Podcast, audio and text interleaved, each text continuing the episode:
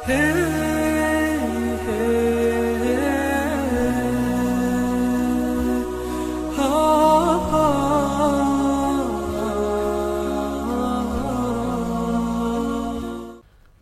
الطالبين في أجوبة متن الصراط المستقيم لله تعالى.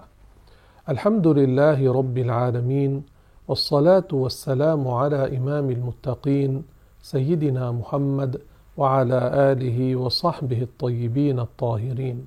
ما جواب من يسأل إذا كان كل شيء بتقدير الله لم لم يخلق الله الخلق؟ ويدخلهم فورا إلى الجنة والنار.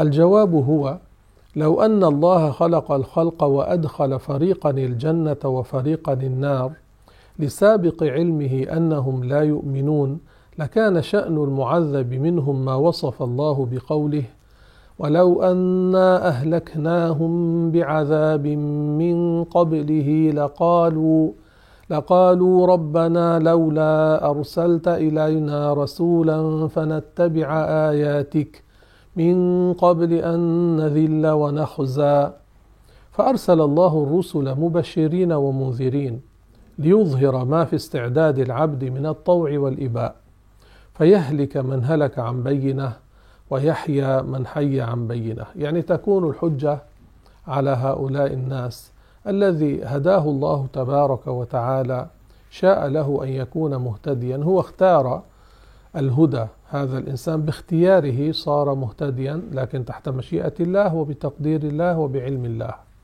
وهذا الذي ضل باختياره هو اختار الضلالة بمشيئة الله وعلم الله وتقدير الله تبارك وتعالى. لكن الإنسان لا يعلم الغيبة وعليه أن يسعى لتحصيل ما أمر به عليه أن يسعى لأداء الواجبات واجتناب المحرمات.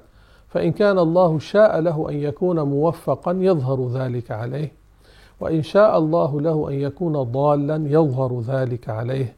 وما ربك بظلام للعبيد.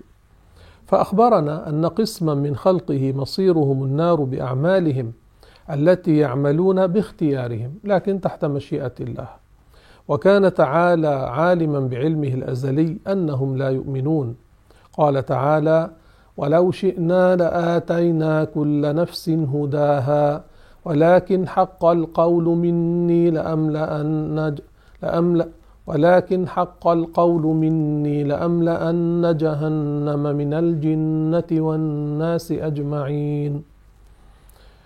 أخبر الله تعالى في هذه الآية أنه قال في الأزل: لأملأن جهنم من الجنة والناس أجمعين، وقوله صدق لا يتخلف لأن التخلف أي التغير كذب والكذب محال على الله سبحانه وتعالى. ما معنى قوله تعالى قل فلله الحجة البالغة فلو شاء لهداكم أجمعين؟ أي ولكنه لم يشأ هداية جميعكم إذ لم يسبق العلم بذلك. الله سبحانه وتعالى صفاته أزلية لا تتغير. علمه أزلي قدرته أزلية مشيئته أزلية تقديره أي تدبيره أزلي سبحانه وتعالى. فنقول الله علم وشاء وقدر في الأزل ما يكون من العباد. أن يكون هذا مهتديا أن يكون هذا طائعا أن يكون هذا إنسان كافرا أن يكون ضالا عاصيا. كل هذا بمشيئة الله تبارك وتعالى. أي ولكنه لم يشأ هداية جميعكم إذ لم يسبق العلم بذلك فالعباد منساقون إلى فعل ما يصدر عنهم باختيارهم. لا بالإكراه والجبر. مذهب أهل السنة هو المذهب العدل المذهب الوسط. يوجد جبرية يقولون كل ما يكون من العبد هو مجبور. على فعله لا اختيار له بالمرة هؤلاء كفار. ويوجد المعتزلة يقولون ما يحصل من الإنسان يحصل باستقلال عن الله هو يخلق فعله. وما يحصل من الشر من هذا العبد هذا بدون مشيئة الله والعياذ بالله. هؤلاء ضالون وهؤلاء ضالون. أهل السنة والجماعة قالوا إن العبد يفعل ما يفعل باختياره تحت مشيئة الله. وبقدرة الله وبعلم الله تبارك وتعالى. ما معنى حديث إذا ذكر القدر فأمسكوا؟ ليس معناه لا تتعلموا ما فرض الله عليكم لا. معناه بعد أن تتعلموا ما فرض الله عليكم في أمر القدر لحفظ العقيدة من الزلل من الوقوع في الضلال بعد ذلك لا تتعمقوا حتى لا تقعوا في تيه الحيرة والضلال. واعلم أن ما ذكرناه من أمر القدر ليس من الخوض الذي نهى النبي صلى الله عليه وسلم عنه بقوله إذا ذكر القدر فأمسكوا رواه الطبراني. لأن هذا تفسير للقدر الذي ورد به النص. وأما المنهي عنه فهو الخوض فيه للوصول إلى سره. فقد روى الشافعي والحافظ ابن عساكر عن علي رضي الله عنه أنه قال للسائل عن القدر سر الله فلا تتكلف. فلما ألح عليه قال له أما إذا أبيت فإنه أمر بين أمرين لا جبر ولا تفويض. اذكر الحديث الذي فيه ذم القدرية يعني الرسول ذم القدرية أي المعتزلة. اعلم أيضا أن رسول الله صلى الله عليه وسلم قد ذم القدرية وهم فرق المعتزلة فرق افترقوا إلى عشرين فرقة. فمنهم من يقول العبد خالق لجميع فعله الاختياري هؤلاء لا خلاف في كفرهم لأنهم كذبوا القرآن والحديث والإجماع والعقل. ومنهم من يقول هو خالق الشر دون الخير وكلا الفريق وكلا الفريقين كفار. قال رسول الله صلى الله عليه وسلم القدرية مجوس هذه الأمة. وفي رواية لهذا الحديث لكل أمة مجوس ومجوس هذه الأمة الذين يقولون لا قدر. رواه أبو داود عن حذيفة عن النبي صلى الله عليه وسلم. ومعلوم أن المجوس يعبدون النار يقولون للعالم مدبران مدبر خير النار والنور ومدبر شر الظلام. كما أن هؤلاء كفار المعتزلة كفار بنص حديث الرسول صلى الله عليه وسلم قال عنهم مجوس هذه الأمة المجوس كفار والمعتزلة كفار. اذكر الدليل على كفر المعتزلة. القائلين إن الإنسان يخلق أفعاله. في كتاب القدر للبيهقي وكتاب تهذيب الآثار للإمام ابن جرير الطبري رحمهما الله تعالى. عن عبد الله بن عمر أن رسول الله صلى الله عليه وسلم قال: صنفان من أمتي ليس لهما نصيب في الإسلام القدرية والمرجئة. القدرية هم المعتزلة. يقول الرسول ليس لهما نصيب في الإسلام. يعني كفار. بعد هذا كيف يقال اختلف في تكفيرهم؟ هذا لا عبرة به. ولا معنى له ولا يقام له وزن. من كذب آية من القرآن كمن كذب كل القرآن. المعتزلة كذبوا آيات من القرآن. يقول النسفي ورد النصوص كفر. وهم كذبوا قول الله تعالى هل من خالق غير الله. وكذبوا قوله تعالى قل الله خالق كل شيء. وكذبوا قوله تعالى وخلق كل شيء فقدره تقديرا. أما المرجئة فهم طائفة انتسبوا للإسلام كانوا يعتقدون أن العبد المؤمن مهما عمل من الكبائر ومات بلا توبة ليس عليه عذاب. قالوا كما أن الكافر لا تنفعه الحسنه على زعمهم المسلم لا تضره المعصية والعياذ بالله. فالمعتزلة هم القدرية لأنهم جعلوا الله والعبد سواسية بنفي القدرة عنه عز وجل والعياذ بالله على ما يقدر عليه عبده فكأنهم يثبتون خالقين في الحقيقة كما أثبت المجوس خالقين خالقا للخير هو عندهم النور وخالقا للشر هو عندهم الظلام. اذكر معنى الهداية اذكر معنيي الهداية. الهداية على وجهين أحدهما إبانة الحق والدعاء إليه ونصب الأدلة عليه وعلى هذا الوجه يصح إضافة الهداية إلى الرسل وإلى كل داع لله كقوله تعالى في رسوله محمد صلى الله عليه وسلم وإنك لتهدي إلى صراط مستقيم وقوله تعالى وأما ثمود فهديناهم فاستحبوا العمى على الهدى. والثاني من جهة هداية الله تعالى لعباده أي خلق الاهتداء في قلوبهم كقوله تعالى فمن يرد الله أن يهديه يشرح صدره للإسلام. فمن يرد الله أن يهديه يشرح صدره للإسلام. ومن يرد أن يضله يجعل صدره ضيقا حرجا. والإضلال خلق الضلال في قلوب أهل الضلال فالعباد مشيئتهم تابعة لمشيئة الله.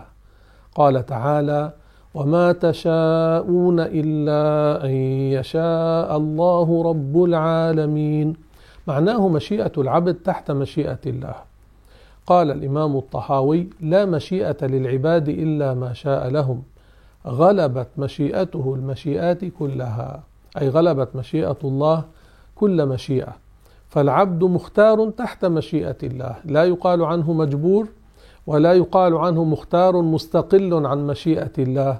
لا العبد مختار تحت مشيئة الله. اذكر الدليل على أن تقدير الله لا يتغير. اعلم أن تقدير الله تعالى الازلي لا يغيره شيء. لا دعوة داع ولا صدقة متصدق ولا صلاة مصل ولا غير ذلك من الحسنات بل لا بد أن يكون الخلق على ما قدر لهم في الأزل من غير أن يتغير ذلك. لأن مشيئة الله لا تتغير وتقدير الله لا يتغير وعلم الله لا يتغير. فمستحيل أن تتغير مشيئة الله لدعوة داع أو صدقة متصدق. العبد إن تصدق يكتب له الثواب العبد المؤمن إن تصدق بنية حسنة من مال حلال. وإن شاء الله تعالى أن يندفع عنه بلاء بسبب هذه الصدقة يدفع عنه ذلك البلاء. العبد إن دعا الله إن سأل الله وشاء الله أن يتحقق له مطلوبه يتحقق بمشيئة الله، وإن دعا الله ولم يشأ الله أن يتحقق مطلوب هذا العبد لا يتحقق لأن مشيئة الله لا تتغير، لكن العبد استفاد. الرسول قال: الدعاء هو العبادة. أي الحسنات يعني فاستفاد الحسنات وقد يدفع عنه بلاء بسبب هذا الدعاء بمشيئة الله تبارك وتعالى. اعلم أن تقدير الله تعالى الأزلي لا يغيره شيء لا دعوة داع ولا صدقة متصدق ولا صلاة مصل ولا غير ذلك من الحسنات. بل لا بد أن يكون الخلق على ما قدر لهم في الأزل من غير أن يتغير ذلك. ما معنى قوله تعالى يمحو الله ما يشاء ويثبت وعنده أم الكتاب؟ أما قول الله تعالى يمحو الله ما يشاء ويثبت وعنده أم الكتاب فليس معناه أن المحو والإثبات في تقدير الله لأن تقدير الله صفته وصفة الله لا تتغير. لماذا لا تتغير صفات الله؟ لأن أقوى علامات الحدوث التغير. فالمتغير حادث والحادث محتاج لمن أحدثه والمحتاج لغيره لا يكون إلها. بل المعنى في هذا أن الله جل ثناؤه قد كتب ما يصيب العبد من عباده من البلاء والحرمان والموت وغير ذلك. وأنه إن دعا الله تعالى أو أطاعه في صلة الرحم وغيرها لم يصبه ذلك البلاء ورزقه كثيرا أو عمره طويلا. وكتب في أم الكتاب ما هو كائن من الأمرين. فالمحو والإثبات راجع إلى أحد الكتابين كما أشار إليه ابن عباس. فقد روى البيهقي عن ابن عباس في قول الله عز وجل يمحو الله ما يشاء ويثبت وعنده أم الكتاب قال يمحو الله ما يشاء من أحد الكتابين هما كتابان يمحو الله ما يشاء من أحدهما ويثبت وعنده أم الكتاب. والمحو يكون في غير الشقاوة والسعادة. فقد روى البيهقي أيضا عن مجاهد أنه قال في تفسير قول الله تعالى فيها يفرق كل أمر حكيم. يفرق في ليلة القدر ما يكون في السنة من رزق أو مصيبة. فأما كتاب الشقاء والسعادة فإنه ثابت لا يغير. ليلة القدر هي الليلة التي أنزل فيها القرآن لا تكون إلا في رمضان. معنى ليلة القدر ليلة الشرف العظيم. وليس معناه أن أقدارنا تتغير فيها كما يقول بعض الجهلة. تقدير الله لا يتغير. وهذا الدعاء الذي يقول به كثير من الناس في النصف من شعبان لا ينبغي أن يقال. لم يقله رسول الله ولا صحابي من الصحابة. وفيه اللهم إن كنت كتبتني عندك في أم الكتاب شقيا أو محروما أو مقترا علي في رزقي فامحو اللهم شقاوتي وحرماني وإقتار رزقي واكتبني عندك من السعداء. هذا ظاهره باطل. يوهم أن تقدير الله يتغير وتقدير الله لا يتغير. ورد في الحديث القدسي الثابت يا محمد إني إذا قضيت قضاء فإنه لا يرد. فلذلك لا يصح عن رسول الله صلى الله عليه وسلم الدعاء الذي فيه إن كنت كتبتني في أم الكتاب عندك شقيا فامح عني اسم الشقاء وأثبتني عندك سعيدا.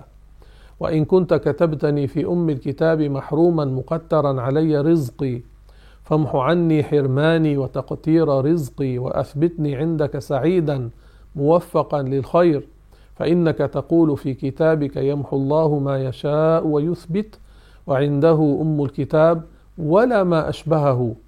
ولم يصح هذا الدعاء أيضا عن عمر ولا عن مجاهد ولا عن غيرهما من السلف كما يعلم ذلك من كتاب القدر للبيهقي.